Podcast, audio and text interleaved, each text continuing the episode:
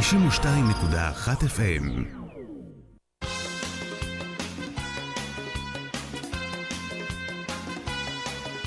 מבט לשבת עם הגאון הרב בנימין חוט השליטה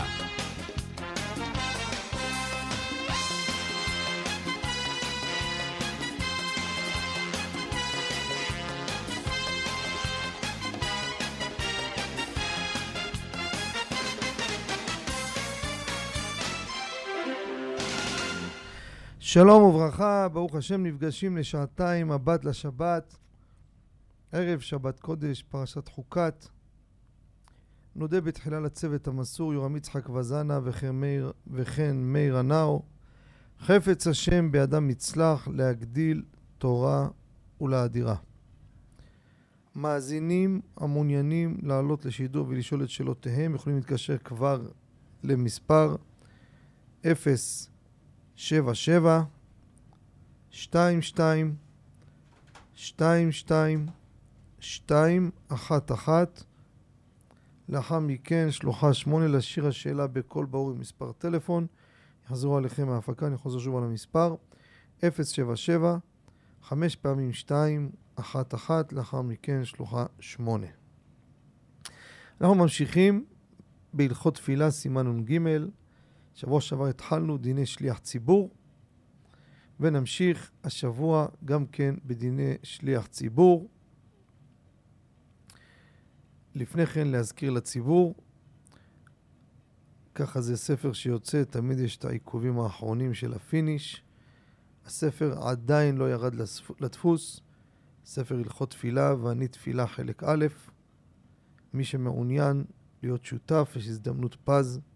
אפשר להכניס הנצחה שם בספר, אם זה להצלחה, לרפואה, לזיווג, לזרע קודש, להבדיל עילוי נשמת, עם תאריך פטירה, בתרומה חד פעמית של 260 שקלים.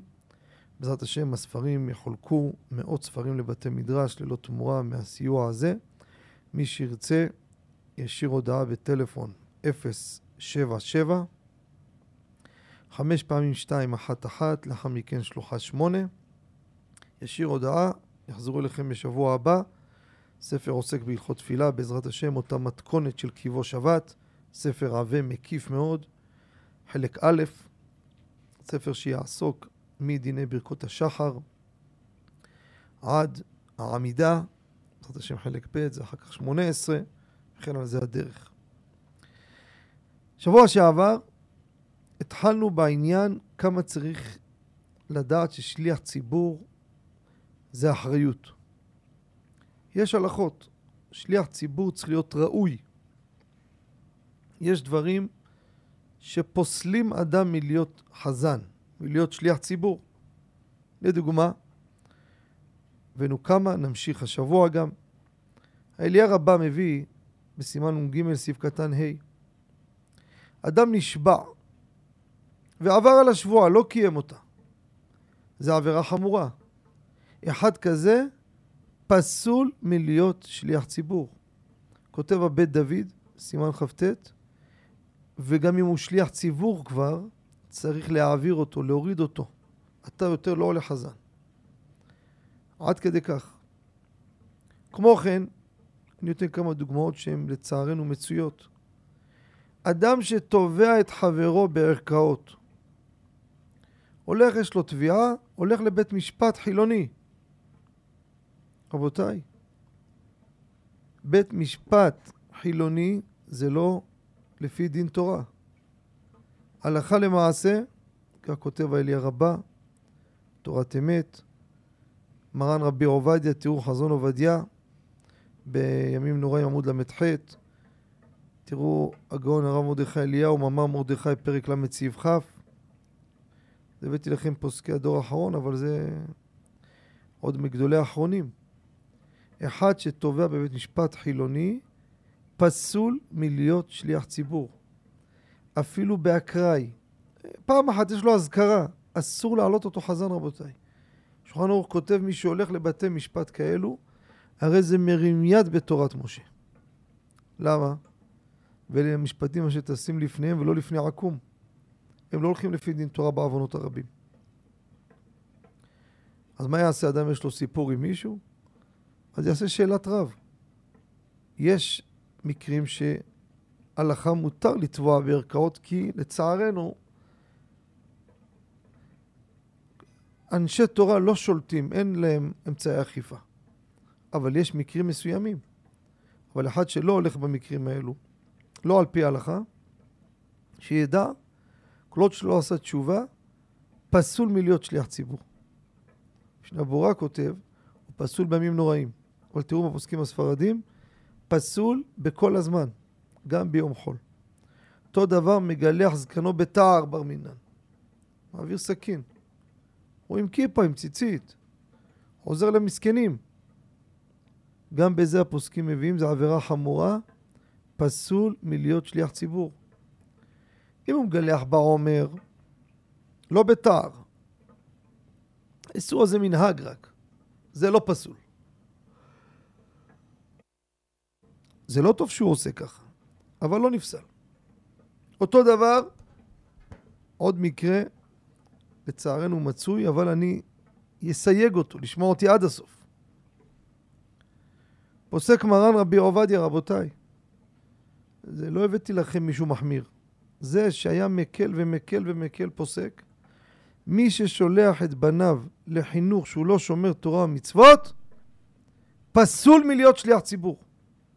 חמור מאוד. קודשה ברוך הוא נתן לך ילדים, אתה הולך ושם אותם בחינוך נגד השם, נגד משיחו, נגד התורה, לא מסורת, לא כלום. אבל, זו נקודה חשובה רבותיי, כתבתי על זה גם על ליבא דילכתא וגם בספר שעומד לצאת בעזרת השם. פעמים שאדם אין לו כבר השפעה, הוא מתחזק, וזה מצוי באלפים היום. גם אשתו אפילו מתחזקת, אבל הילדים הם כבר נטמעו במוסדות האלו, ואין לאדם השפעה. דיבר, אבל איפה עכשיו? הוא כבר רגיל, הוא עם החברים וכולי וכולי. הוא לא יכול מסכן, אין לו מה לעשות כבר. זאת אומרת, הוא מיחה בהם. אין לו השפעה עליהם. מקרה כזה, הוא לא נפסל מלהיות שליח ציבור. גם ראית אחד, יש לו ילדים בתי ספר חילונים, הוא אומר, שמע, איפה הלוואי, אני רוצה לקחת אותם. אבל אין, לא יכול. האישה מתנגדת, או הם הילדים עצמם, אין מצב, לא, כבר לא שומעים וכדומה. מקרה כזה, הוא לא פסול מלהיות שליח ציבור, חזן. כמו כן, אותו משקל מה שאני אומר לכם, גם בזה פוסק מרן רבי עובדיה, מי שאשתו הולכת בגילוי ראש, בלי כיסוי ראש.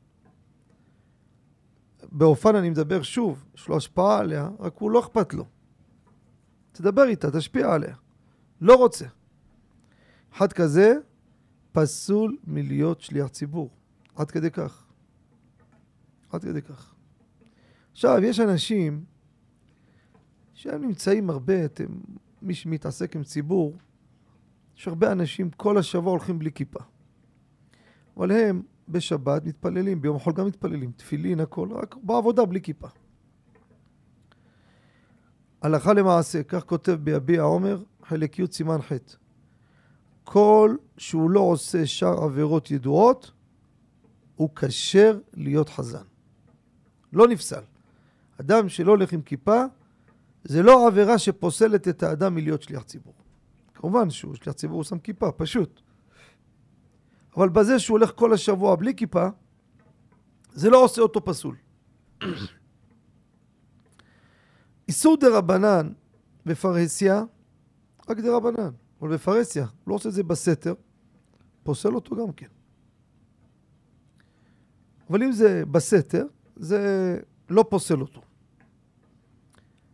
עכשיו,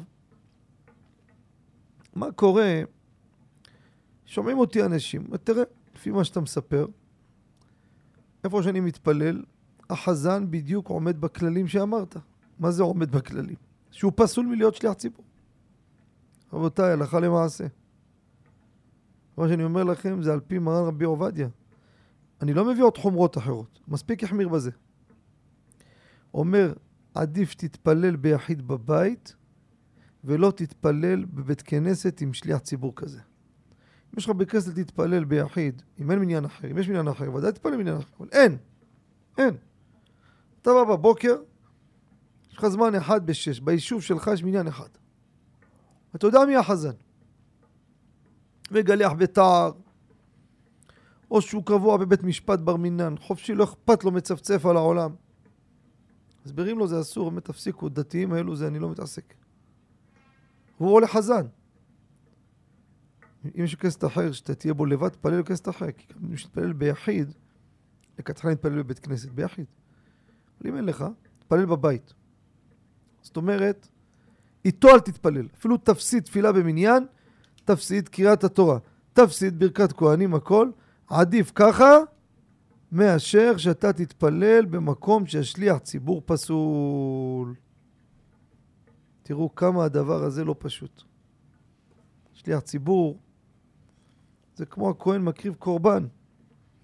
לכן גם בפוסקים יש פולמוס גדול, אני לא אאריך בו, בעזרת השם בספר שיצא אתם תראו את הדעות ואת כל הצדדים. אפילו בעל מום, בעל מום שניכר בחוץ, כל מיני מומים.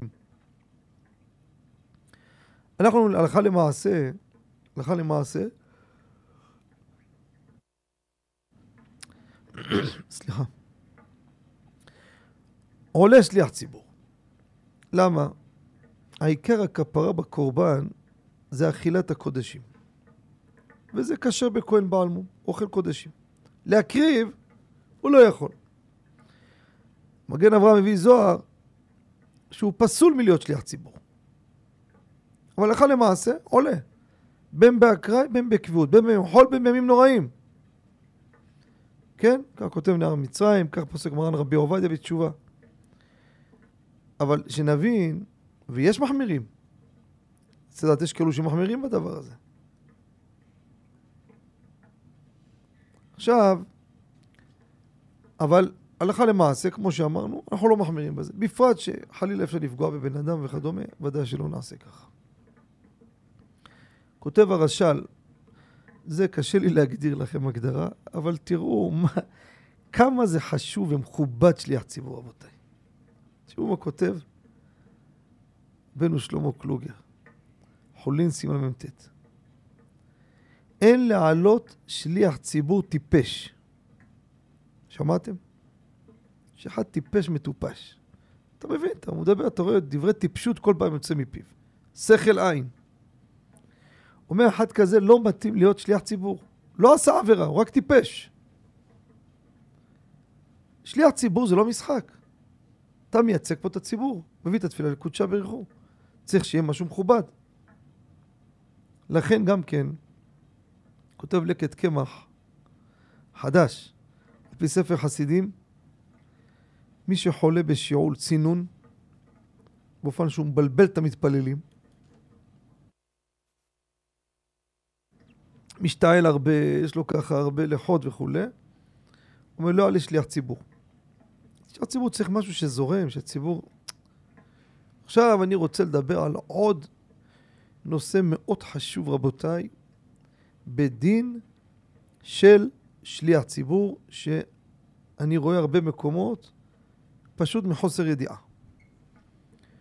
כולם חושבים, הילד הזה עשה בר מצווה מזל טוב, יאללה, משבוע הבא, ברוך השם, הרווחנו עוד חזן לבית כנסת.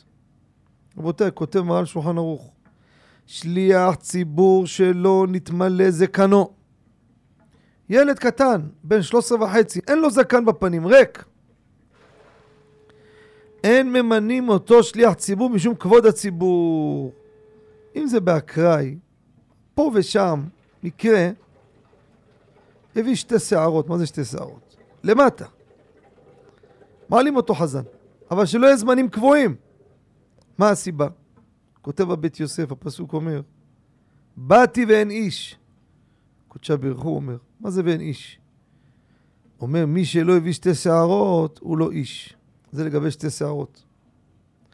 על פי הקבלה, פי הסוד, כך כותב סולת בלולה של מציבור, מי שלא יתמלא זקנו נחשב לבעל מום. איך שלא יהיה, לכן צריך לדעת שילדים בני בר מצווה, לא להעלות אותם קבוע. אפשר להגיד, בזמן שאין מי שיעלה חזן. זה לא נקרא קבוע, כך כותב הבאר היטב. אין חזן, נו, מי רוצה, לא רוצה, לא רוצה, לא רוצה, תעלה אותו, אין בעיה. כן, אז יודעים מה זה התמלא זקנו, הסברנו. זקן העליון, בלחיים שלו, עוד קטן, עוד לא התפתח לו זקן. לא הכוונה, צריך לגדל זקן, שלא יהיה טעויות. הכוונה שגודל לו זקן. אתה רואה עליו, עוד לא גדל לו, עוד אור של ילד. אבל אם התחיל לגדול לו, והוא מגלח, זה נקרא להתמלא זקנו. אין בעיה. צמחו לו שערות בצידי פניו ובסנטר, זה גם נחשב להתמלא זקנו, לא צריך הכל. עכשיו, מה קורה? גדל לו רק מעט, אבל לא יתמלא לו פה בלחיים, בסנטר, כמו שאמרנו. כותב הרמ"א, כל שהגיע לגיל 18, נתמלא זקנו נקרא. פחות מגיל 18, אם לא נתמלא זקנו, לא יכול להיות שליח ציבור בקביעות. אותו דבר, גודל לו רק שפם. יש בחורים, התור הגיעו לבר מצווה, יש להם כבר שפם, אבל זקן אין לו. זה לא נקרא התמלא זקנו. עם כל הכבוד שיהיו מפותחים וגדולים, הם לא ראויים ל... להיות שליחי ציבור קבועים. שים לב לדבר הזה. וזה הלכה שולחן ערוך רבותיי. צריך שיהיה פה, שוב אני חוזר, לא חלילה מזלזלים בנער הזה. השליח ציבור זה דבר שהוא שליח של הציבור. שליח של הציבור לפני מלך מלכי המלכים, לוקחים אדם לפחות בוגר, כמו שאמרתי, עם כל המעלות שבוע שעבר קראנו, כמה וכמה שמרן הביא, שיש לו שם טוב, לא יצא עליו שם רע, וכולי וכולי. וזה צריך לדעת את הדברים האלו, רבותיי. וזה מפה קריאה. יש הרבה בתי כנסיות. בעוונות הרבים לא רוצים להביא רב. לא רוצים. לא צריכים רב, אנחנו לא צריכים רב.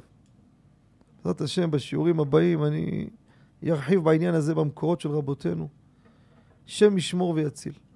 אדם חושב שהוא עושה נחת לבורר, שהוא מנהל בית כנסת, מוסר נפש. הוא לא יודע שהוא עושה אף וחמה וקצף. וכשהוא לא רוצה רב, אז אוטומט אין מנהיג. יגיד הגבאי, אני הרב. אם אתה תלמיד חכם באמת ויודע, אז מצוין, אז יש רב, אין בעיה. אבל אם זה לא ככה, אתה יודע כמה מכשולים יש, כמה תקלות, אנשים עושים דברים, הוא רק רוצה שקט, שיהיה לפי הקו שלו. רבותיי, זה לא פשוט הדבר הזה. תראו כמה פרטים, אם יש רב, אז הרב יודע מה עושים, מה לא עושים. יש את מי לשאול, יש מי שיאמר, יש מי שיעיר. אבל אם לא, וגם אם יש שם בציבור כאלו שהם יודעים איזה צורה זה, שזה אומר ככה וזה אומר ככה וזה משה לפה, זה אומר לו אני כמו רב ההוא ורב ההוא. ואז מה נהיה? בוקה ומבולקה. זה לשים לב בפרטים שאנחנו לומדים, תראו כמה הנחיצות של הדבר הזה. אנחנו אה, נצא להפסקה, רק לפני כן אני אודיע את הזמני השיעורים השבוע הבא עלינו לטובה. שימו לב, תושבי פתח תקווה ובני ברק. יום ראשון, מיום ראשון הקרוב, בשבועות הקרובים בעזרת השם יתברך, תהיה סדרה בשיעורים בהלכה במשך כמה שבועות, בעזרת השם עד אחרי תשעה באב, אה, בימי ראשון. תושבי פתח תקווה בשבע וחצי בערב. מרכז בני תורה, רחוב סולומון 12. זה פתח תקווה, שבע וחצי בערב, יום ראשון. תושבי בני ברק, ביום ראשון, גם כן, בשעה תשע בערב. בית הכנסת חסדי עובדיה, רחוב אברמסקי 26. שוב, בשעה תשע, חסדי עובדיה, רחוב אברמסקי 26. יום שלישי בעזרת השם, תושבי נתיבות, בשעה חמש, בית הכנסת תהילת שלום, רחוב מלכי ישראל 76. לאחר מכן, מושב בן זכאי בשעה שמונה, בית המדרש חזון עובדיה, צמוד ליבנה. בעזרת השם יום חמישי הבא לפני התוכנית, תושבי כפר סבא, בשעה שבע וחצי, בית הכנסת אוהל יעקב, רחוב כרמל 69. יום חמישי, כפר סבא, שבע וחצי, אוהל יעקב, רחוב כרמל 69. שמעו ותחי נפשכם. אנחנו נצא להפסקה, בעזרת השם, מיד לאחריה נשוב למאזינים המיוחדים, בבקשה. אתם מאזינים ל"מבט לשבת" עם הרב בנימין חוטה. שבנו, שבנו מהפסקה. לפני שניגש למאזין, ניתן שוב את הטלפון, 077 חמש פעמים שתיים, אחת אחת, לאחר מכן שלוחה שמונה. להשאיר השאלה בכל ברור מספר טלפון, יחזרו עליכם מההפקה. שלום וערב טוב למאזין. שלום וברכה לכבוד הרב. שלום יבורך וברכה. עליון על כל השידורים ועל כל מסירות הנפש שלך כדי לקיים את. השידור. אמן וכן אמור. עכשיו, מה שרציתי לברר, בהקשר לעניין של חציית כביש בשבת, באזור שלי, מעלה אדומים, כשאני צריך, רוצה לחצות כביש, בעוונות יש הרבה שלא שומרים שבת, נוסעים, ואני משתדל לתת את המכוניות שיעברו, ואחרי זה אני חוצה. אבל מה הדין? רציתי לברר, אם אני, נאמר, דיברתי בקול עם חבר או משהו, וגרמתי לנהג שעצר בגללי. או זה, או שהנהג ראה אותי מרחוק ועצר. האם יש לי דין של אה, גרמתי אולי חוטא או משהו שאני... יפה, שהיין של כבר יין נסח או משהו, או מה הדין? יפה. שאלה יפה מאוד ומעשית בהרבה מקומות בארץ, השם יחזיר בתשובה שלמה את כל עמו בית ישראל. מאזין הנכבד שואל, איך מתמודדים בחציית כביש בשבת, שיש מחללי שבת, עוצרים, גרם להם לעצור וכן על זה הדרך. אני אתן את הכלל בקצרה והלכה למעשה. מי שיש לו קיבו שבת חלק ג' עמוד ק"פ, אתן את הדברים הלכה למעשה. אם אדם עומד במדרכה, לא משנה אם עבר חצייה או לא עבר חצייה, בא מחלל שבת, עצר, נותן לו לעבור. מצד ההלכה, מותר לך לעבור. אין פה הנאה ממעשה שבת. תגיד לי, תראה, אבל הנה, הוא עצר. בלי זה לא הייתי עובר. נכון, לא היית עובר, אבל יש דרכים לעבור גם בלי זה. מהצד או תקף, זה לא דבר שהוא יצר לך מציאות שלא הייתה בכלל. זאת ועוד, זה אזור של לעבור, זה של כל העולם, לא רק שלו. הוא לא יכול לאסור עליי שימוש במקום בגלל שהוא עשה איסור לאסור עליי דבר שהיה במציאות שאני יכול לעבור. לכן, כיוון שאין אדם עושה דבר שאינו שלו, אתה עובר. אמרתי בהשקפה מבחינת מחאה של השבת, אני שחילוני עובר לי תעבור, אני לא עובר. ואם ישאל בחלון, למה אתה לא עובר? אני אומר לו, למה? כי לצערי אתה מחלל שבת. אני לא רוצה ליהנות ממך. לא מצד ההלכה של הנאה ממעשה שבת. מצד ההשקפה והרגש היהודי ביחס לשבת, אני לא אעבור. אבל הלכה, אם עצר, תעבור. לגרום לו לעצור, זה צריך לדעת, זה אסור. אלו שקופצים לכביש, ועוד באים בטענה, תראה, יש לי זכות קדימה. אני מוריד את הרגל, רק מוריד את הרגל, ההוא פתאום בלם. זה ביום חול תשתמש בזכויות שלך. בשבת, אנחנו גורמים לו לעצור בשבת, זה בעיה. אם זה מקום שמלא רכבים, אני מדגיש את זה, מלא רכבים, אם אני לא אוריד את הרגל, זה לא ייגמר. אז עוד פעם חזרנו לנקודה, יש לי גם זכות, גם לי לעבור. אז אני לא אשב שם כל הזמן. אבל במקרה רגיל, תחכה עוד דקה, יעברו, אתה לא תגרום לעצור את הרגל, תוריד את הרגל לכביש, כדי לגרום לו לעצור, שאז הוא גורם לחילול שבת. ולגרום חילול שבת ליהודי, גם כשהוא מחלל שבת, זה אסור. אז רק רגע, ואם אין שם כן. מע- מעברי חצייה, אז, אז לא במעבר חצייה, אתה לא קופץ כשאתה רואה רכב מתקדם. תשאר עומד במדרכה, הוא יעבור ותחצה. אבל אם אתה תקפוץ ותגרום לו לעצור, גרמת פעולה של חילול שבת. העצירה, הברקס הזה, זה מלאכה נוספת חוץ מהנהיגה שהוא עובר איסור, ואתה גרמת לו את זה.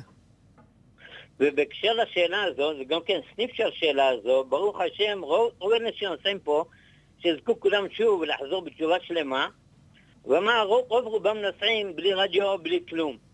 רק שומעים את הרעש של המנוע.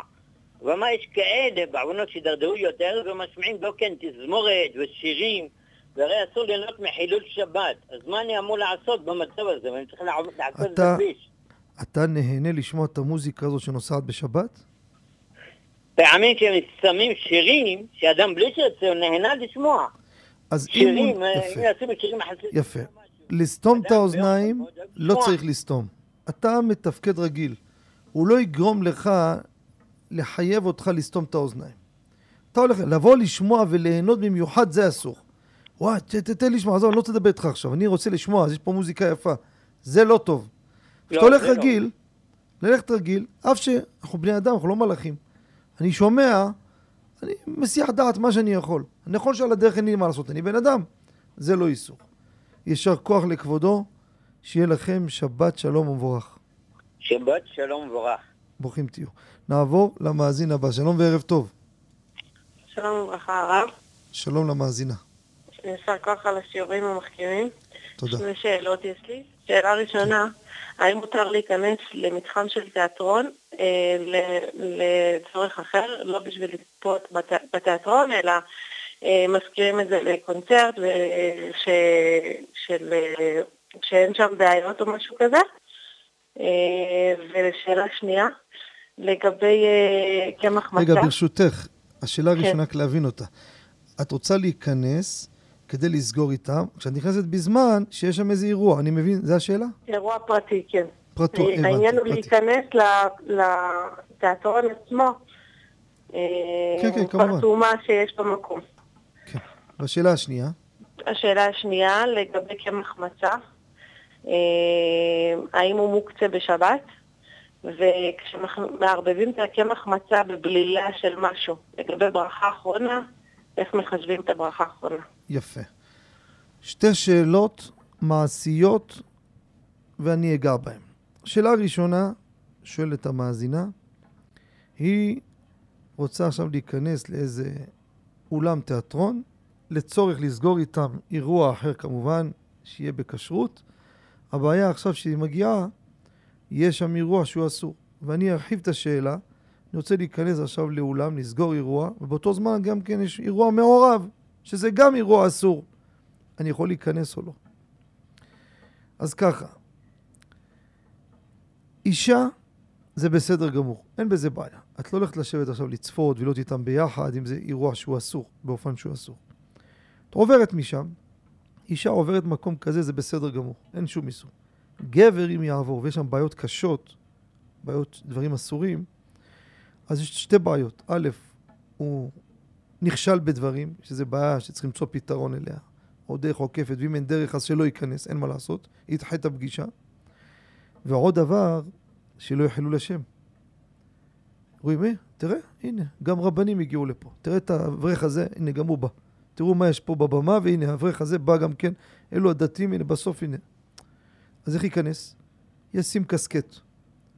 אם יש לו זקן, נראה איזה, אני יודע מה, לא אבוא עם חליפה וכובע.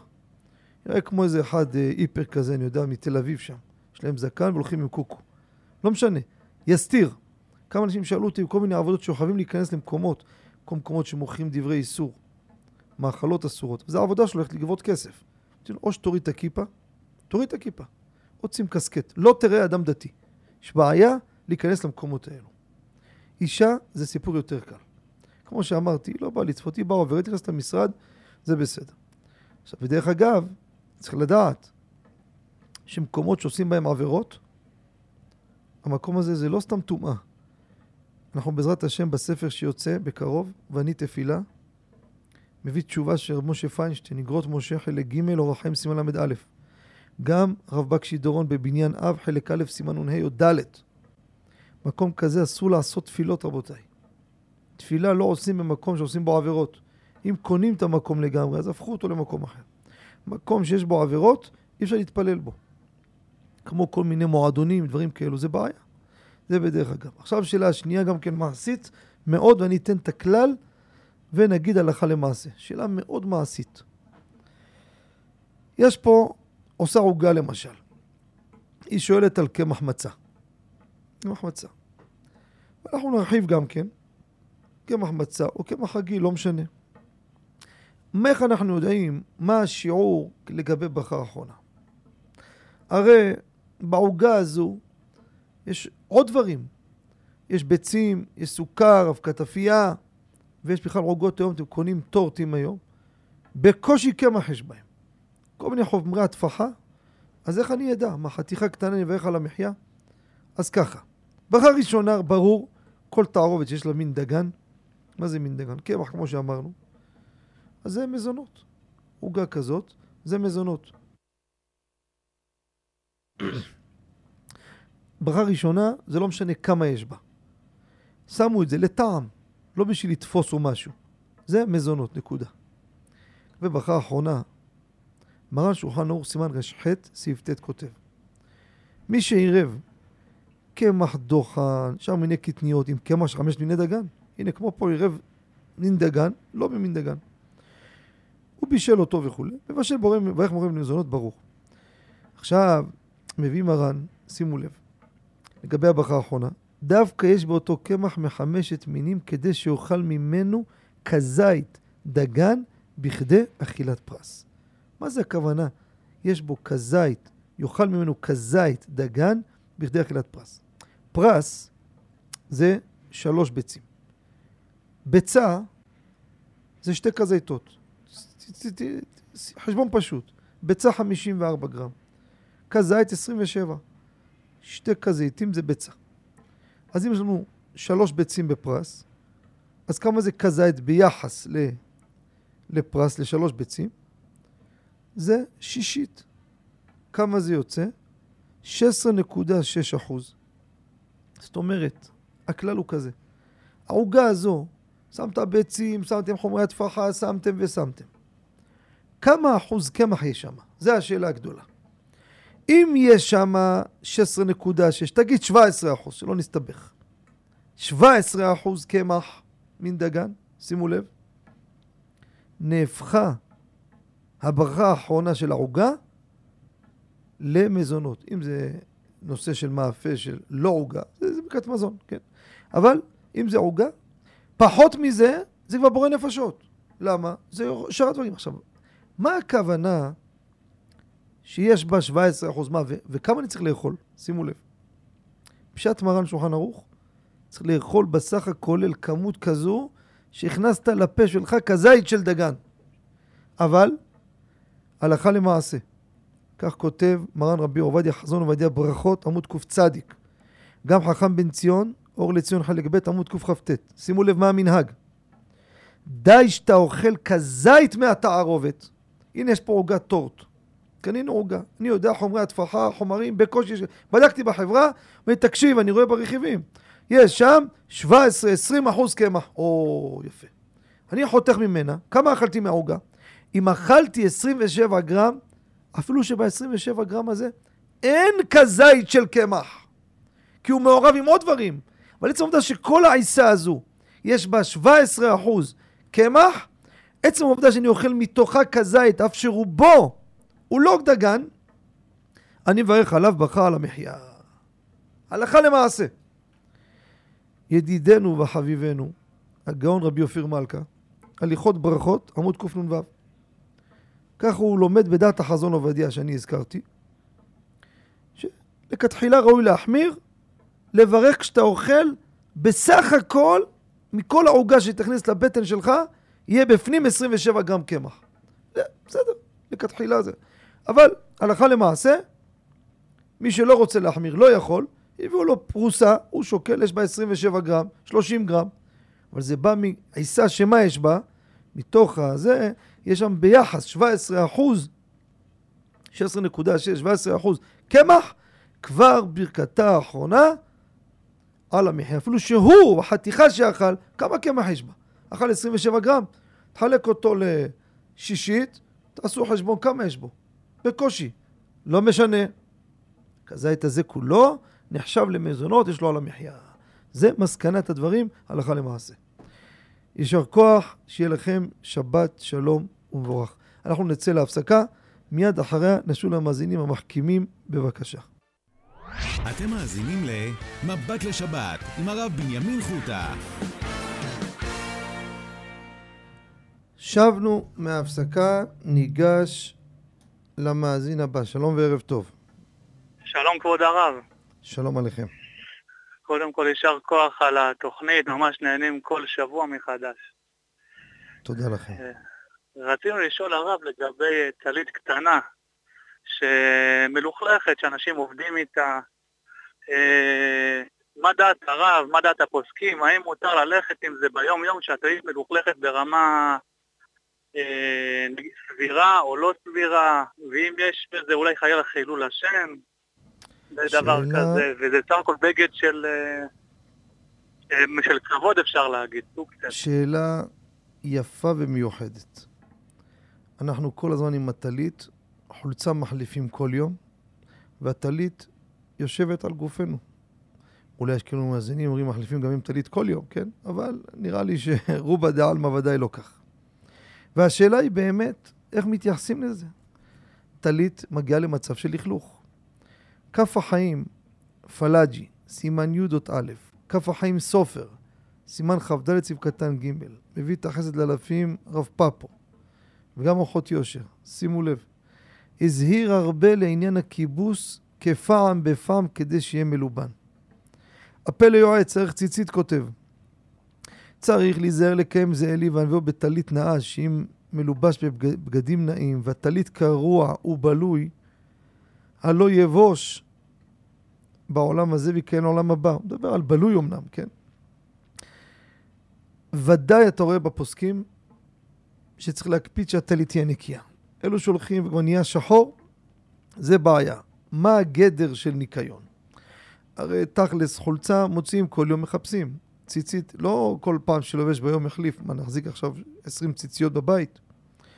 כותב בתשובות והנהגות חלק ג' סימן ז' אם הטלית קטן מלוכלך ברמה שלא יצא איתו כך, אם נגיד היה לובש את זה עליו. בוא ניקח לדוגמה, האדם הזה הולך עם טלית על החליפה שלו, על החולצה שלו. הוא יושב בבית מדרש עם טלית עליו. היית הולך ככה עם הטלית. אנחנו מחביאים אותה תחת החולצה. אבל נגיד, אז הייתי אומר לך, מעליך. היית הולך ככה? אם היית הולך מבחוץ. רמת לכלוך הזו, היית הולך ככה? אם זה רמה, קצת זיעה וזה, עם החולצה אני גם לא לובש ככה, אבל ציצית, זה ככה, זה אין מה לעשות. זה בסדר. אם זה ברמת לכלוך שלא היית הולך ככה, חייב לכבס אותה. יישר כוח לכבודו על השאלה המעשית והחשובה. שיהיה לכם. שבת שלום ובשורות טובות. שבת שלום כן. אנחנו, מה קורה? יש, מה... יש מאזין, מספיק? בסדר? כן, מאזין, שלום וערב טוב למאזין הבא. שלום הרב. שלום עליכם. אה, שלום, אה, ראשית אה, כל אני רוצה להגיד יישר כוח גדול הרב על הספרים הנפלאים, תודה לכם. אה, כי במועד אנחנו לומדים את ההלכות של חול המועד עכשיו ומשתמשים בספרים של הרב, ונהנים ממש מהפירוט הרחב וההיצע, תזכו להגדיל תורה ולהדירה. אמן וכן לאמור. אה, אה, אני ראש כולל בכולל בנתיבות, כולל. מאוד רציני וטוב. כן. עכשיו, בתקופה האחרונה התחילו, זה כבר התחיל לפני כמה שנים, את העניין של ה- הציצית תכלת. עכשיו, עד לא מזמן זה היה רק אה, אנשים אה, קצת אה, לא כל כך, כאילו, לא, לא אנשים רגילים שהיו משתמשים בזה, היו שמים את הזה, ולאחרונה התחילו הרבה, גם אברכים וגם תלמידי חכמים, ש... שמוכרים מאוד לציבור, ולא נזכיר את שמם, גם אנשים שמגדולי הדור אפילו אפשר להגיד, ששמים את, ה... את התכלת.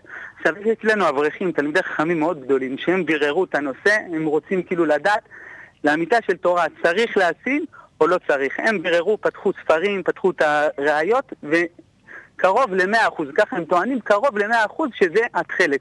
זה הדבר. עכשיו אנחנו שואלים הרב, האם אדם שיודע 100%, קרוב ל-100%, שזה התכלת, האם הוא צריך להשים, האם חובה עליו להשים?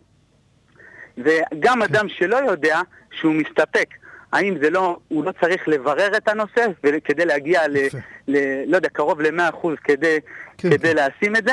ואני יודע ש, שהרבה מגדולי הדור לא שמים, אבל אנחנו, יכול להיות שלא שמים בגלל שאפשר להגיד, בגלל שאו שהם לא ביררו, או שזה בגלל שזה לא 100%, ואולי עלינו כן מוטל לעשות את זה, והאם יש איסור בדבר אם אני שם מספק גם, לשים מספק גם, כדי לתת את זה כולם, כמו, כמו שאר הבנתי. ככה, נשאר לנו פחות מדקה לסוף השעה. אני אפתח עם זה בתחילת שעה הבאה, אבל אני אגיד לך לכבודו במילה אחת שאני ארחיב את זה לאחר מכן. חד משמעית, אין לשים חוט תכלת בטלית. גם אם אתה בטוח 100% שזה תכלת, ואני ארחיב לאחר השע, תחילת שעה הבאה, עניות דעתי, אני אומר מה שהפוסקים, מה שאני למדתי. תכף נדבר בזה, ואני שומע מכמה אנשים שהתקשרו שהתופעה הזאת תופסת תאוצה, ונדבר על זה. כמובן, מי שרבו מורה לו לא ככה, אני, מי אני בכלל? שאלתם את דעתי, מיד בתחילת השעה נרחיב את הנושא הזה, תראו כמה בעיות יש בדבר הזה, ואנחנו הספרדים, חד משמעית, אין לשים חוט תכלת בציצית. אז תחילת השעה הבאה, בעזרת השם, אחרי החדשות, בלי נדר, אנחנו נחזור לכבודו, ואנחנו נפתח עם זה את השעה הבאה. כמובן, רק לפני כן ניתן את הפינה של הספרים החדשים, ומיד ניגע בנושא של החוט תכלת. אנחנו יוצאים להפסקה, מיד לאחרי השבים למאזינים, בבקשה.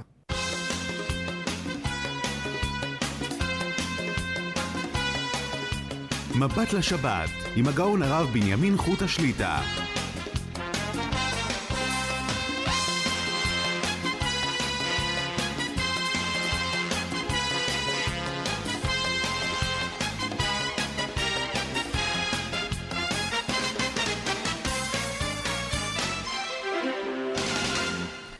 שבנו לשעה שנייה מבט לשבת, ערב שבת קודש, פרשת חוקת, נודה שוב לצוות המסור יורם יצחק וזנה וכן מאיר הנאו.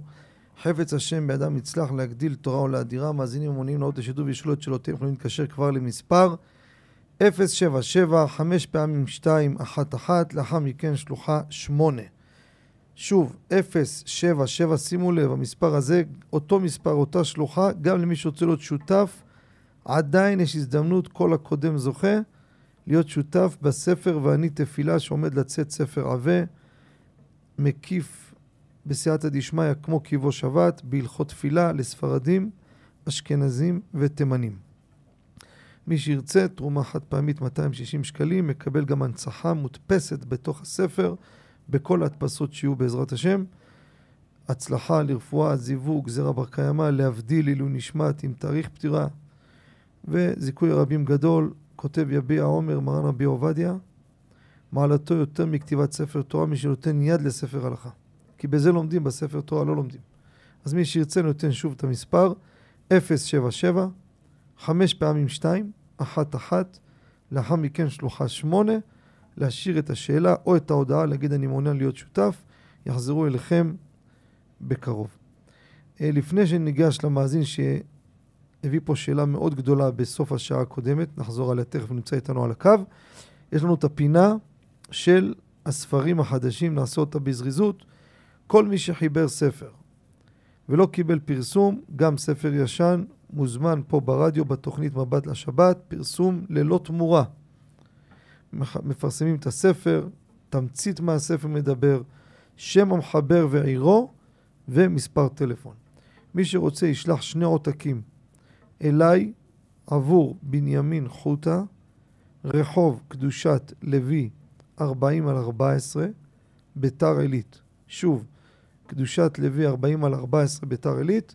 אני עובר על הספר מלמעלה בתמצית ככה להבין מה הקו של הספר ונותן פרסום. והספרים השבוע כדלהלן.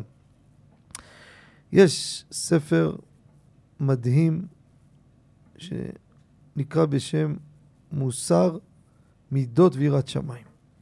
זה בעצם ליקוד של שלושה ספרים מרבותינו הקדמונים.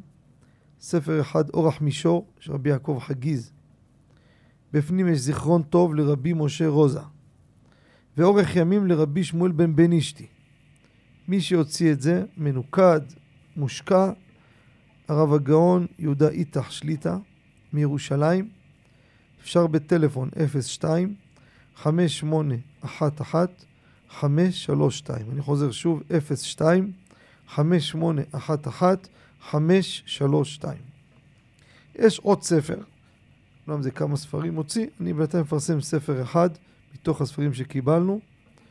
משכן הנפש, לא להיבהל, ספר הוא מדריך למטהר ולקברן.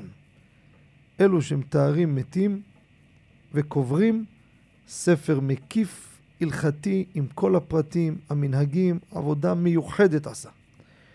הרב הגאון נתנאל חכם, שליטה מהעיר אשדוד, טלפון שלו 050 415 0292. חוזר שוב, 050 415 0292, יש עוד מספר, רשמו לי אצל חי שלום, 054-8465-439. עוד חיבור יצא מיוחד, מנחת עזרא. זה הבחור החשוב, עזרא עודה, מבכירי ישיבת באר התלמוד, שם ישמרו וחייהו. הוא גר במושב חשמונאים, הוציא ספר חידושים על מסכת בבא בתרא, עבודה מיוחדת, בן פורת יוסף, בן פורת עלי עין, אשרי יולדתו. ובפנים גם כן עשה עוד קונטרס בתוך הספר, עוד יוסף חי, אביו עליו השלום, כתב עליו הנהגות שלו, מחכים ומרגש, אז מי שרוצה לרכוש, והנה הטלפון של הבחור החשוב, עזרא עודה, 0556 79 1919 שוב, 0556 79 1919 עד כאן זה פינת הספרים. נמצא איתנו המאזין מסוף השעה הקודמת? אה, הוא יאזין, יפה, אז הוא ירד מהקו. העלה פה שאלה, לאחרונה יש הרבה פרסום, גם בבית מדרשי הגיעו קונטרסים. יש מישהו שדוחף את הדבר הזה. להכניס לציבור, בואו תשימו חוט חלת בציצית שלכם. וכאן אנחנו שואלים, ציבור הכללי, הספרדי, וגם אשכנזי הכללי.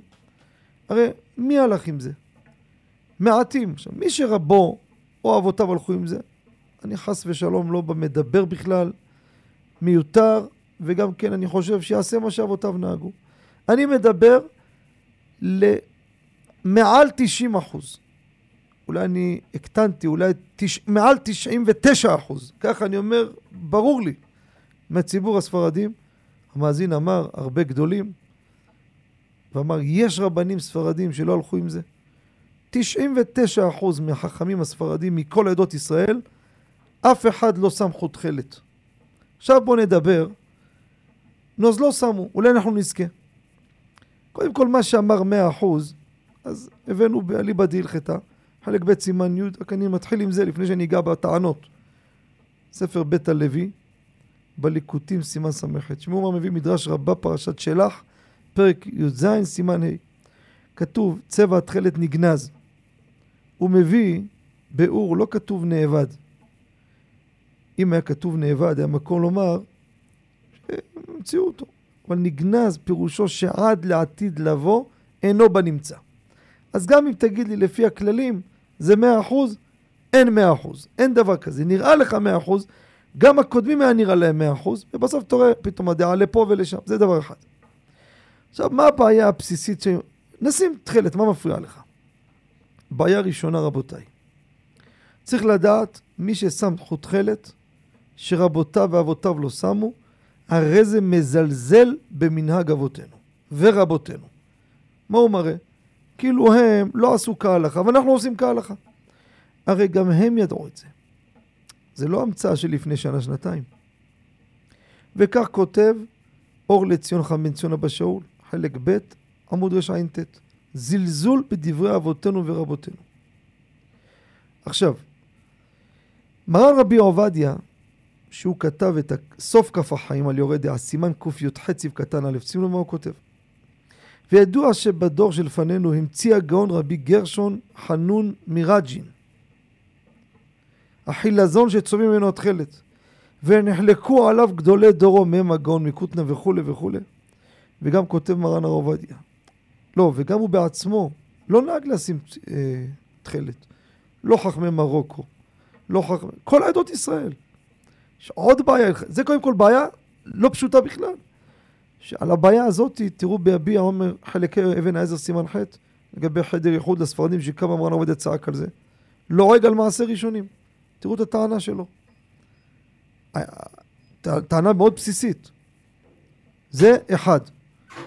יש עוד טענה שרבי בן ציון אבא שאול טען אותה. ידוע ש... מי שתולה כלה אילן בבגדו ואומר תכלת הוא, מה הכוונה? אחד רוצה לשים חוט תכלת, אבל אין לו כסף לחילזון, לוקח צבע, צובע תכלת. הגמרא מביאה בבא מציאה ס"א, אמר רבא, למה נזכר יציאת מצרים פרשת ציצית? לומר לך, אמר הקדוש ברוך הוא, אני הוא שהבחנתי בין טיפה של בכור לטיפה שינה של בכור. אני הוא שעתיד להיפרע ממי שתולה צבע תכלת בבגדו ואומר תכלת הוא, והוא משקר. אומר רבי בן ציון אבא שאול, מי מבטיח לי שזה התכלת? אתה לוקח סיכון שאתה שם סתם צבע ואתה מסתבך בתולה כלילן בבגדו. לכן רבותיי, כל אחד יעשה מה שרבו אומר. שאלו אותי, אני אומר את עניות דעתי. אין לספרדים בשום פנים ואופן את המנהג הזה. בפרט שכל, עכשיו תסתכלו היום אפילו, 99% מכל הרבנים, מהדור הקודם והדור הזה, 99%. אף אחד לא שם חוט תכלת. כמובן, מי שרבו, אני חוזר פעם שלישית, מי שרבו שם, אני לא מדבר, לא רומז, ישאל אותי, אני לא תשים, בטח. רבך אבותיך, מה השאלה בכלל? אבל בואו נהיה מציאותיים.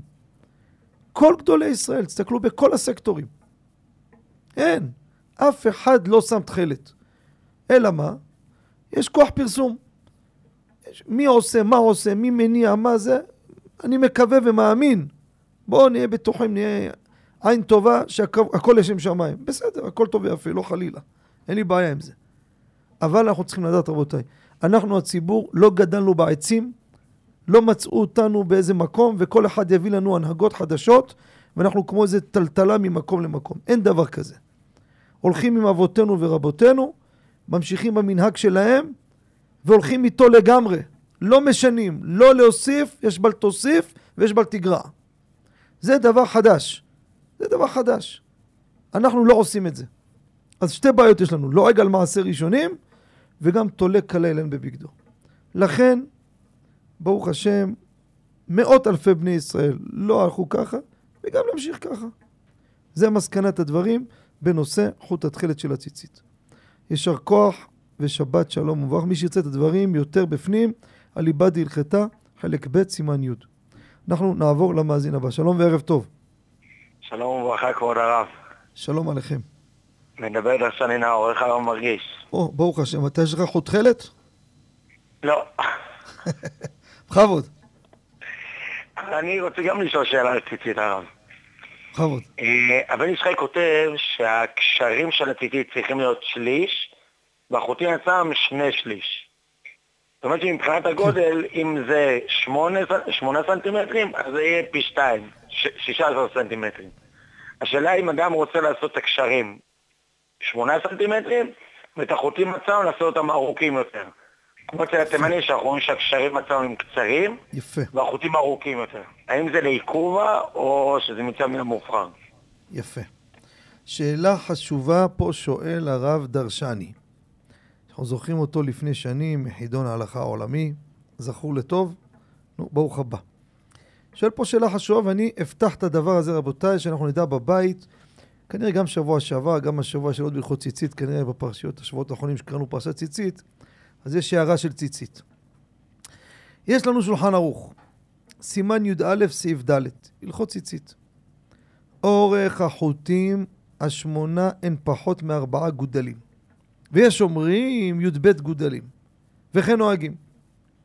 ולמעלה אין להם שיעור, כך כותב מרן. מה זה י"ב גודלים? בואו נדבר בסנטימטר. כמה זה אגודל? אגודל, מדברים על החלק הרחב של האגודל בחלק העליון. יש שתי שיטות. שיטת רבי חיים נאה, וכך פוסק מרן רבי עובדיה ביביע אומר חלק א' סימן ג' לגבי תפילין, לגבי הרצועות. אגודל שתי סנטימטר.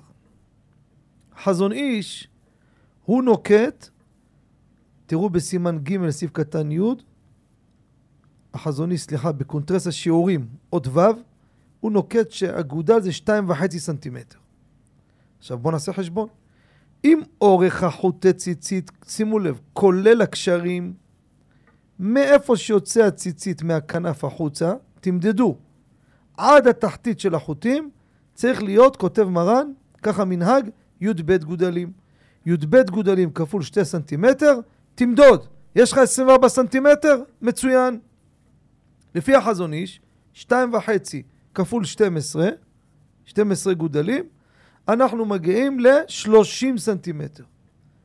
אז ככה, לפי דעת מרן רבי עובדיה, וגם לאשכנזים שלא הולכים עם החזון איש, זה 24 סנטימטר. לפי החזון איש 30 סנטימטר. עכשיו, איך זה אמור להיות בנוי? איך החלוקה של זה? יש לנו מרן באותו סימן, י"א, סעיף י"ד. מרן כותב ככה, אין שיעור לכריכות, זה דיברנו על זה בעבר, יש כמה שיטות איך לכרוך את ה... עם הקשרים, י"כ ו"ק, 7, 8, 11, 13, לא ניגע בזה עכשיו. אבל מרן ממשיך. רק שיהיו כל הכרוך והקשרים וכולי, ארבעה גודלים, זה הכריכות והקשרים, והענף, מה זה הענף? חוטים שיוצאים מהקשרים, למטה, הפתוחים האלו, שמונה גודלים. השתים עשרה הזה מתחלק לשני חלקים. ארבע ושמונה. שליש ושתי שליש. זה שולחן ערוך. עכשיו שימו לב, 아, עוד פעם, איפה שאתם תמדדו, איפה שכל הכריכות והקשרים צריך להיות כמה? ארבע. כמה זה ארבע? כפול שתי סנטימטר, שמונה סנטימטר. והשמונה כפול שתי סנטימטר, שש עשרה. פה שמונה ופה שש עשרה. שליש ושתי שליש. יפה מאוד. בא החזון איש, סימן ג', סעיף קטן י', אומר, אם אתה רוצה לעשות את הענף, מה זה הענף? החוטים שיורדים מהקשרים והכריכות, זה מה שאתם רואים אצלכם בציציות, החוטים שהם בעצם פתוחים, הארוכים למטה, אחרי כל הכריכות והקשרים. תרצה יותר משתי שליש, ארוכים יותר אין חשש. מפורש בחזון איש. על פי הפשט, מה ששאלת, צריך שיהיה כמובן או 24 או 30, כמו שאמרתי את השיטות. רוב הציבור 24 סנטימטר. 16 פה, 8 פה. עכשיו, אתה רוצה שה-16 יותר ארוך, הבחור הזה רוצה ארוך ארוך. אומר החזון איש, על פי הפשט מותר, אין בעיה. אבל על פי הסוד יש בעיה. מי שיראה את הכף החיים, סעיף קטן מ"ו, שם חסד לאלפים, הבן איש חי, שנה ראשונה פרשת נוח, סעיף י"ג, כותב ככה, אלו הי"ב גודלים. מה זה י"ב גודלים אמרנו? זה ה-24, השמונה והארבע ביחד. ייזהר לעשותם ארבעה גודלים גדיל. מה זה גדיל? גדיל זה איפה שהוא את כל הכורך עם הקשרים. ושמונה גודלים ענף, מה שפתוח למטה.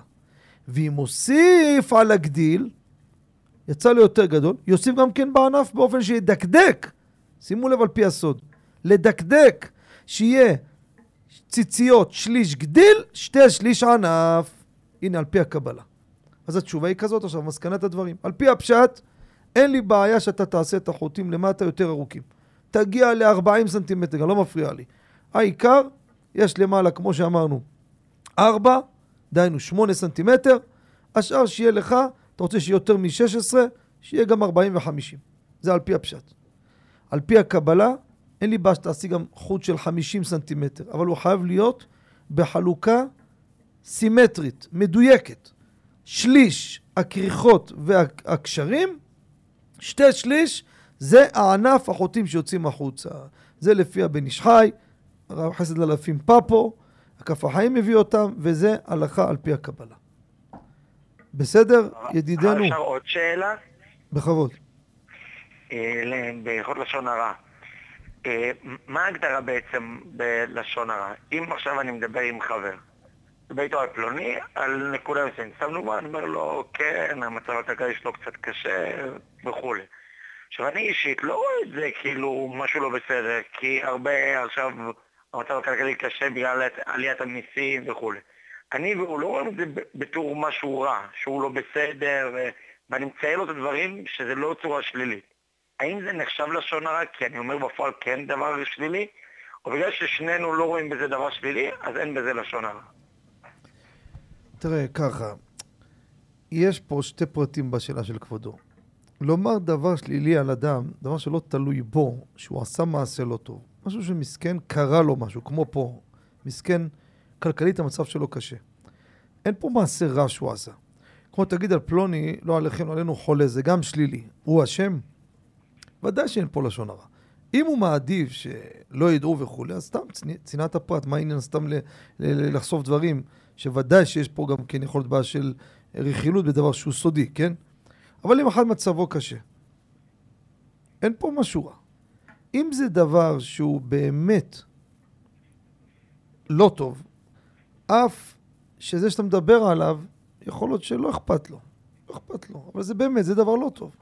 חפץ חיים כותב, למדנו ממרים, שהיא דיברה על משה, והתורה מעידה, והאיש משה עניו, אבל היא, היא נענשה בצרעת. כותב החפץ חיים בבאר מים חיים סעיף קטן ב' בכלל א', ב, מביא את זה, ב, סליחה, בכלל ח', כותב ראיה משם, שגם בזה יש איסור סיפור לשון הרע. אבל בדוגמה שכבודו הביא, זה דבר, אומנם שלילי, אתה צודק, אבל זה לא דבר, מישהו שהאדם עשה את זה שלילי. אם תגיד, עשה טעויות, את כל העסק שלו החריב, הגיע לפת לחם, זה משהו שלילי.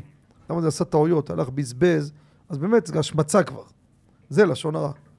אבל מה לבן אדם מסכן שאין לו פרנסה, מזל שלו ככה, לא הולך, כמה שזה לא הולך לו. אין פה משהו בפשטות, אין בזה... זה לא לשון הרע. יישר כוח הרב, תודה רבה רבה. ברוכים תהיו. נהנים מהשיעורים של הרב תודה רבה. ומחכימים מאוד. יישר כוח. תודה רבה. שיהיה לכם שבת שלום ומבורך. אנחנו יוצאים להפסקה, ומיד לאחריה שבים למאזינים, בבקשה. אתם מאזינים ל"מבט לשבת" עם הרב בנימין חוטה. שבנו מההפסקה, ניגש למאזין הבא. שלום וערב טוב. שלום עליכם כבוד הרב. שלום עליכם. רצינו לשאול שתי שאלות. אה, אדם עושה קנייה גדולה בסופר, והאם הוא חייב לבדוק, אה, צריך לבדוק את הקבלה, לפעמים אה, הרבה פעמים יש טעויות, אה, או שנאמר שמסתם הם יודעים שיכול להיות טעויות והם, והם אוכלים על זה. ושאלה שנייה, לגבי אדם שעולה לאוטובוס, האם הנהג הוא, ה... הוא, הבעל... הוא, הוא מבחינתי האחראי, סתם לדוגמה, אה, היה מקרה, עליתי לאוטובוס בין אשקלון לבאר שבע, הוא הביא לי את החופשי יומי, והוסיף לי עוד, אה, עוד 15 קילומטר, חמש וחצי שקל. אני לא מכיר, לא הכרתי שיש כלל כזה. זה נראה כאילו פעם איזה נהג אמר לי, טוב, תבוא עוד כמה דקות, עוד חמש דקות, אני אעביר לך עוד הפעם את החופשי. אני יכול לסמוך עליהם, והם מבחינתי ה... או ש... יפה. שאלות גדולות מאוד כבודו שואל. שאלה ראשונה, שאלה מאוד מעניינת, האם מחובתנו לעבור על הקבלה שבקנייה בסופר? שהרי פעמים יש כל מיני טעויות, גם לפעמים לרעת הסופר ולפעמים לרעתנו. איך מתייחסים לזה? אני אגיד לכבודו מה נראה לעניות דעתי, אין לי פה הרבה בשר במקורות להביא בדבר. אם אנחנו מכירים את הסופר הזה, שהטעויות שם מצויות. כן, יש שם טעויות מצויות. עכשיו הפקידים על המחשבים עושים הרבה טעויות. לעניות דעתי, חובה לעבור על החשבונית. אני אתן דוגמה קטנה. הלכתי לקנות בשר לכבוד שבת קודש באחד הסופרים אצלנו. הלכתי, קניתי בשר, אז עלה לקילו, אם אני לא טועה, אולי 60-70 שקל לקילו. אני מסתכל בקבלה, לקחו לי לפי, לקילו, היה חישוב, זה הכמות כפול, 0.99 אגורות לקילו. הלכתי לקופה ראשית, אתה הראשון שהודעת. אתה יודע ממה הצלת אותנו? היו יכולים לפרק להם את כל המקפיא שם, נזק של אלפים. עכשיו, אני, גם אני מסכים שאם זה פעם ב- וקורה דברים חריגים, לא צריך לחשוש. אבל אם אתה יודע, תמיד אתה מסתכל, תמיד יש טעויות. תמיד אתה חוזר לקופה ראשית, סליחה, פה טעות, פה טעות, פה טעות. אז אם אתה לגבי עצמך לא אכפת לך, בסדר, אז אני לא יכול לחייב אותך, אתה רוצה להפסיד. אבל הרבה פעמים הטעויות הן בעצם לרעת הסופר. תראו מה לקחו פה, אוי, אוי, באמת טעות. נכון שעל פי חוק שיש טעות והמחשב לקח מחיר אבל הרבה פעמים על המוצר כתוב מחיר אחר, אז זה טעות במחשב. ודאי שעל פי ההלכה צריך להחזיר את זה. אז אם זה מצוי, צריך לבדוק. אם לא מצוי, אין מחובתנו. בפרט שאם זה לא מצוי, גם אם יש תקלה או משהו, שכולם בני אדם, גם לפה, גם לשם, כולם בגדר, גם אם קרה, אנחנו אפילו לא מגלים דעתנו. זה מציאות של ככה העסק, לפעמים לפה, לפעמים לשם, אין לנו שום הקפדה. לגבי השאלה השנייה, תראה, את, הפרט, את הפרט הנקודה שכבודו מעלה, שהוסיף לו בקילומטר, לא בקילומטר, לא בדקתי את זה שאני אתן תשובה מבחינה חוקית. עכשיו, מה ששאלת אם נהג אוטובוס הוא אחראי, בדבר שאני יודע ברור שזה לא חוקי, אז הנהג אוטובוס לא אחראי. אם אני עולה ואומר לנהג, תקשיב, בוקר טוב, אני עולה עם החופשי חודשי של אשתי. הוא אומר לך, אין בעיה. אתה יודע שזה לא נכון, הוא לא מורשה לתת לך דבר כזה. זה לא שלו. חופשי חודשי מותר אך למי ש... שהוא מחזיק את החופשי חודשי, לא אשתו ולא בניו. אבל אם אתה אומר לי פה נתון שאני לא יודע, בא הנהג אומר לך, זה בסדר. הוא אומר זה בסדר, אני סומך עליו. אני לא צריך להתקשר עכשיו למשרד התחבורה, לשאול את כל החוקים של כל, ה... כל השינויים ברב-קו ובמקדים ובמעבר ובכל הכרטיסים. נהג אומר בסדר, מבחינתי אין לי מה לחשוש, אני סומך עליו. התשובה ברורה? תשובות ברורות? כן, כן, תודה רבה רב. ברוך תהיה, שיהיה לכם שבת שלום ומבורך. נעבור למאזין הבא. שלום וערב טוב. שלום עליכם, כבוד הרב. שלום עליכם. שלום עליכם. מחילה הרב, אה, רק אה, לבאר עניין, אם אני עולה בחופשי חודשי של אשתי בדיוק באותו מספר פעמים כמו שהיא הייתה אמורה לעלות. כאילו אני מחליף את המספר פעמים שהיא הייתה אמורה לעלות. במקום זה אתה- אני עולה... אז אתה בדיוק אותו מספר פעמים גונב את מדינת ישראל. ככה, הם מחליפים, כאילו. אתה צוחק אני רואה. לא, אני אומר, אנחנו מחליפים. היא עלתה עשר, אז אני עולה במקום העשר. העשר הזה היא לא תעלה גם. אין במקום. אני עכשיו מביא לך אצלי כניסה אליי למקום מסוים, אך ורק לבעל הכרטיס. אומר, שמע, אני יכול להיכנס, אני לא נכנס, תן למישהו אחר. אין דבר כזה, נתתי רק לך. אתה לא משתמש, זה לפה ולשם. לפעמים לא משתמשים, אתם משתמשים פי מאה ממה שנורמלי משתמש. בשביל זה עשינו עסקה של חופשי חודשי. אבל אשתך מה בתמונה פה? לכן, מי שעושה את זה, הוא גונב את מדינת ישראל. משרד התחבורה. טוב, מחילה, האם מותר להיכנס הרב מחילה? הרבה פעמים יש תרופה אה, בתוך הכיס, אה, כדורים בתוך הכיס, אתה נכנס עם זה לשירותים. האם יש בזה בעיה, אוכל או משהו כזה? יישר כוח תודה רבה. ברוך תהיה, אנחנו ניגע בשאלה המעניינת הזו. אנשים, יש אנשים שהם מסכנים, צריכים ללכת עם תרופות קבוע, ואז הם נכנסים לשירותים, אם זה בעבודה, אם זה שירותים ציבורי, והם מחזיקים כדורים בכיס. האם יש בזה בעיה? יש בזה בעיה או לא? קודם כל, להכניס אוכל לשירותים, צריך לדעת בהלכה, אני לא אומר להכניס, אני רוצה קודם כל להגדיר הלכתית מאיפה זה בא. הלכתית, אין הלכה כזאת שולחן ערוך. מי שיראה שוציץ אליעזר, חלק י"ד סימן ב', והזכרנו אותו באליבא דילכתא באחד התשובות. כותב, דבר זה שיהיה אסור להיכנס עם אוכל או משקה בבית הכיסא, לא נזכר בשום מקום בהלכה. תראו לשונו של ציץ אליעזר. אין לזה שורש בחז"ל ואין זכר לזה בשולחן ערוך ונוסק אליו. תראו איזה ביטוי חריף ומתחיל. וכפי הנראה אין לדבר זה גם מקום מפורש אפילו על דרך הנסתר. מביא ראיה משלמי ציבור אל, אלגזי, לגבי שם מים, רחיצה וכולי. כותב על ציץ אליעזר ככה, תשמעו טוב. אומר, מה שחוששים זה רק מיאוס. זה רק מיאוס. מאוס שאוכל נכנס לבית הכיסא. אומר, הלכתית, מה שאנשים מקפידים לא להכניס אוכל לבית הכיסא, וממילא אם זה נכנס, לא אוכלים במקרה, או שוטפים את זה וכולי, אומר, זה בא ממיאוס. אומר, אם כן יש לנו לומר, דווקא שהוא מכניס את זה בגלוי לבית הכיסא.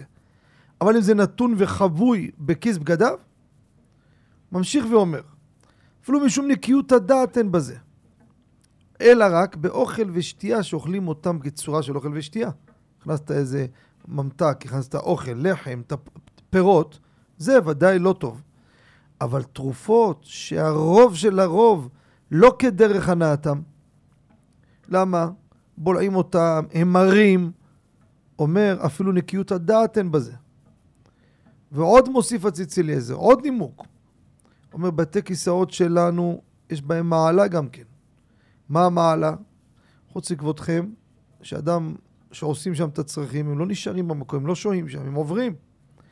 חזון איש מביא את זה, מי שלמד שם את ההלכות של בית הכיסא, רואים את זה בפוסקים. זה שונה מבית הכיסא של פעם, שהיה שוהה במקום. ולכן, כותב הרב, יש להתיר אפילו לכתחילה להיכנס איתם לבית הכיסא, כשאין לו איפה להשאירם בחוץ. מי עוד טוב כשהוא זוכה ויש איפה להשאיר, מצד חומרה בעלמא ראוי שישאיר בחוץ. שימו לב מה הוא מביא. לכן מה שכבודו שואל, וככה הלכה למעשה, כמו הציץ אליעזר. לא ראיתי צד שחלקו על זה גם, מה זה כמו? הוא העריך בזה בתשובה. הזכרנו אותו ב... בערב שבת נראה לי, בקיבו שבת, או באליבא דילחתא. אבל הוא אומר פה יסוד. בצירוף של התרופה, זה לא דבר של דרך אכילה ושתייה. זה דבר שהוא לא דרך בליעה, לא מברכים על זה גם. גם לפעמים זה מר, בולעים את זה, לא אוכלים את זה.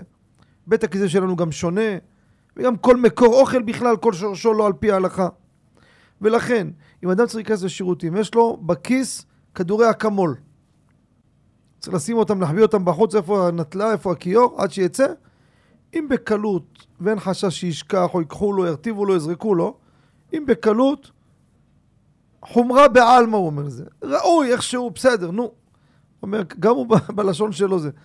אומר, אבל, אבל אם זה לא הסיפור, לכתחילה ואין מקום להחמיר, אין בזה שום חשש שאדם נכנס עם תרופות, בפרט שהן מכוסות. בסדר? מחילה? כן, כן. גם סוכריות מציצה לגרון, שיש בהן טעם לימון וכדומה, גם יהיה מותר מבין. תראה, בצירופים שלו נכון שהטעם של מר לא קיים, אבל במכלול הצירופים שהוא הביא, גם בתרופה עם טעם, אותו דבר בדיוק, כן. יישר כוח, תודה רבה. נכון, לגבי ברכות אנחנו נברך על זה, אמת, כי יש פה מתיקות, אבל אם יש מקרה שאדם יש לו קושי להחביא את זה, וזה מכוסה בכיסו, חד משמעית, אין שום בעיה שהוא יעשה ככה. תודה רבה, שבת שלום. ברוכים תהיו, שבת שלום ומבורך. אנחנו יוצאים שוב להפסקה, ומיד לאחריה נשוב למאזינים המחכימים בבקשה. אתם מאזינים ל"מבט לשבת" עם הרב בנימין חוטה. שבנו מהפסקה, ניגש למאזין הבא. שלום וערב טוב. שלום כבוד הרב, ערב טוב. שלום עליכם. רציתי בבקשה לשאול, אה, אני בשב... ב... ביום חול יש לי אופציה ללכת למניין של הנץ, אבל באותו מניין של הנץ היו שם עוד כהנים חוץ ממני. לעומת זאת, יש אופציה ללכת למניין של שש וחצי, ששם אני יודע שאני כהן היחיד, אז השאלה שלי מה עדיף, האם עדיף בשבילי נץ או זיכוי הרבים במניין השני שאני אעלה ברכת כהנים. אה, איזו שאלה, איזו שאלה. אה. כמובן, השאלה הזו תהיה באליבא דילכתא בעזרת השם, יש עוד כמה שאלות שהיום היו ייכנסו, כן? אבל שאלה מאוד מאוד מעניינת כבודו שואל. כבודו המאזין כהן הולך להתפלל בנץ, ברוך השם יש שיטות קבוצת כהנים. מצוין. מניין של שש וחצי אומרים לו, תשמע, פה אין כהן אחד אפילו. בוא תהיה איתנו. מה זה תהיה איתנו? תתפלל איתנו. אם היה לך זמן ללכת לברכת כהנים זה אין שאלה בכלל, אבל אין לך זמן, זה או פה או פה. ואז הוא שואל מה לעשות, זיכוי הרבים, להפסיד נץ או נץ ומרוויח נץ עם עוד כהנים אחרים. אני אתן פה איזה כלל שנגענו בו בכמה שאלות מעניינות בעבר, וברוך השם אפשר להשתמש עם זה גם בשאלה המחכימה הזו. אליבא דילכתא בחלק האחרון שיצא, חלק ד', סימן קנ, הייתה שאלה של מאזין פה לפני שנתיים, שלוש, לא זוכר. אדם יש לו ספק, האם עדיף שהוא יקדש על יין, שימו לב, לא מבושל, כמו שצריך, הכי מהודר, יין, לא מצנבים, יין, לא מבושל, אבל אומרים לו, אשתו והילדים, אנחנו לא מסוגלים לטעום מזה. אז הוא ייעדר שהוא יעשה יין, אבל זה יהיה בעיה שהמסובים לא יעדרו, לא יטעמו. או, אומרים לו, תעשה על מיץ ענבים, תעשה פחות הידור, וכולנו נטעם. ולעניות דעתי כתבנו תשובה למעשה בליבא דילכתא, שיעשה על יין. כן, שלא יטעמו. למה? אין לאדם להפסיד הידור עבור אחרים שיהדרו. אני צריך להפסיד הידור עבור אחרים שיקיימו מצווה חיובית. לדוגמה, הבאנו כי בא מועד חנוכה עמוד י"ד. אני עכשיו יש לי פה כמה נרות בחנוכה, ויש לי שכן מסכן אין לו כלום. אם אני אתן לו להדליק נר חיוב, אז אני לא איעדר. או, אני אגיד לא, אני מהדר היום, לילה זה חמש נרות, מצטער, יש לי רק חמש, שהוא לא ידליק. הבאנו בזה מחלוקת, תתפלאו לשמוע. יש מי שסובר, תיעדר ושהוא לא יעשה מצווה. הלכה למעשה כתבנו לא ככה. הידור אני אפסיד בשביל שאחר יקיים מצווה שהוא חייב לקיים. אבל הידור בשביל הידור של מישהו אחר או אחרים, מה פתאום? אני לא אוותר. לכן כתבנו, תקדש עליין שאף אחד לא יטעם, לא מעניין אותי. עכשיו בואו נלך לתפילה בנץ. תפילה בנץ זה תפילה לכתחילה, ומהודרת מאוד. ברכת כהנים, כשאין להם כהנים, שימו לב, אין חובה מעיקר הדין לחפש כהן שיברך. אם יש כהן, הוא חייב לבוא לברך. מה ההידור ללכת לחפש כהן? חתם סופר בתשובה, שזה עוד ראשונים כאמת, כן? בסימן כ"ב, באורח חיים כותב, כמו שיש מצווה על הכהן לברך, יש מצווה על הישראל להתברך. ומי שיראה יביע עומר חלק ז' סימן י"ב, מעיר שחתם סופר בעצמו באורח חיים סימן קס"ז, כותב שרוב הפוסקים סוברים כמו הריטב"א, אין מצווה על ישראל להתברך. בסדר, אבל יש דעות שכן. אז זה הידור. עכשיו אתה אומר לי, תשמע, אני אפסיד נץ, תפילה לכתחילה, ומהודרת, בשביל קבוצה שהם ירוויחו הידור. איזה הידור? ברכת כהנים. הרי אין להם כהן. אין להם כהן, הם לא חייבים. הם לא חייבים. דרך אגב, בגלל הדבר הזה שאין חובה, פוסק ביביע אומר שמה, מי שנמצא בעמידה, בלחש, הוא באמצע עכשיו השיבה שופטנו כבראשונה. פתאום, כהנים, יעצור, יקשיב או לא? כותב הרב, שהוא נמצא בעמידה של לחש, לא חייב לעצור לשמוע ברכת כהנים. למה? יש מצווה לכהנים לברך. אין לי עלינו מצווה להתברך. הוא אומר, אם אתה רוצה להפסיק, אתה רשאי. אבל אין חובה, תמשיך את העמידה רגיל אם אתה רוצה. למה? כי רוב הפוסקים פסקו שאין חובה על ישראל להתברך. נכון, יש אחרים אמרו לו ככה. אז זה למה? זה הידור. אני אפסיד אותך בהידור שלך בשביל הידור של אחרים? לעניות דעתי ודאי שלא. כבודו יתפלל בנץ? אם אתה רוצה לעשות לפנים משורת הדין וללכת אליהם אחר כך על ברכת כהנים, קדוש יאמר לו. אבל חובה, לעניות דעתי אין חובה בזה. מה כבודו אומר בעניין? תשובה, תשובה מתיישבת, תשובה מתיישבת. לא. הקהל פשוט כל כך שמח שלפעמים כשאין להם ו... ומישהו מגיע, נכון. הקהל כל כך. אף, ש, אף שבעזרת השם בספר ואני תפילה שעומד לצאת, יש הרבה הלכות שלזיכוי הרבים, אתה יודע כמה חידושים יש, דברים שאנחנו מוותרים בשביל לזכות הרבים, אבל שמה זה מניינים שהתפרקו, מניין שייסגר, שם יש הרבה הלכות שעם מקורות הבאנו כמובן, כן? לא הגיגי לב. ששם באמת זיכוי הרבים יש לו משקל גדול. מה זה זיכוי הרבים? יש פה משהו שיפול, לא יהיה פה מניין, שאם לא יתפללו למניין, זה דבר ממש הכרחי. אבל משהו נקודתי של הידור, אתה לא חייב. אתה לא תפסיד בשביל זה. בסדר? תודה כבוד הרב, תודה רבה. ברוך תהיה, יישר כוח. בסדר. מה קורה? יש לנו עוד מאזין? או שכבר... אחרון. וואו, מה נשאר לנו? שתי דקות. בסדר. יש איתנו מאזין? כן. של- שלום כבוד הרב. שלום עליכם. אה, שתי שאלות בקצרה, כן, הרבה זריז, זריז, זמן. בדיוק. כן. זריז. אה, מותר בשבת לרסק במזלג תפוח אדמה עם ביצה, ואחר כך אני מוסיף לזה מיונז.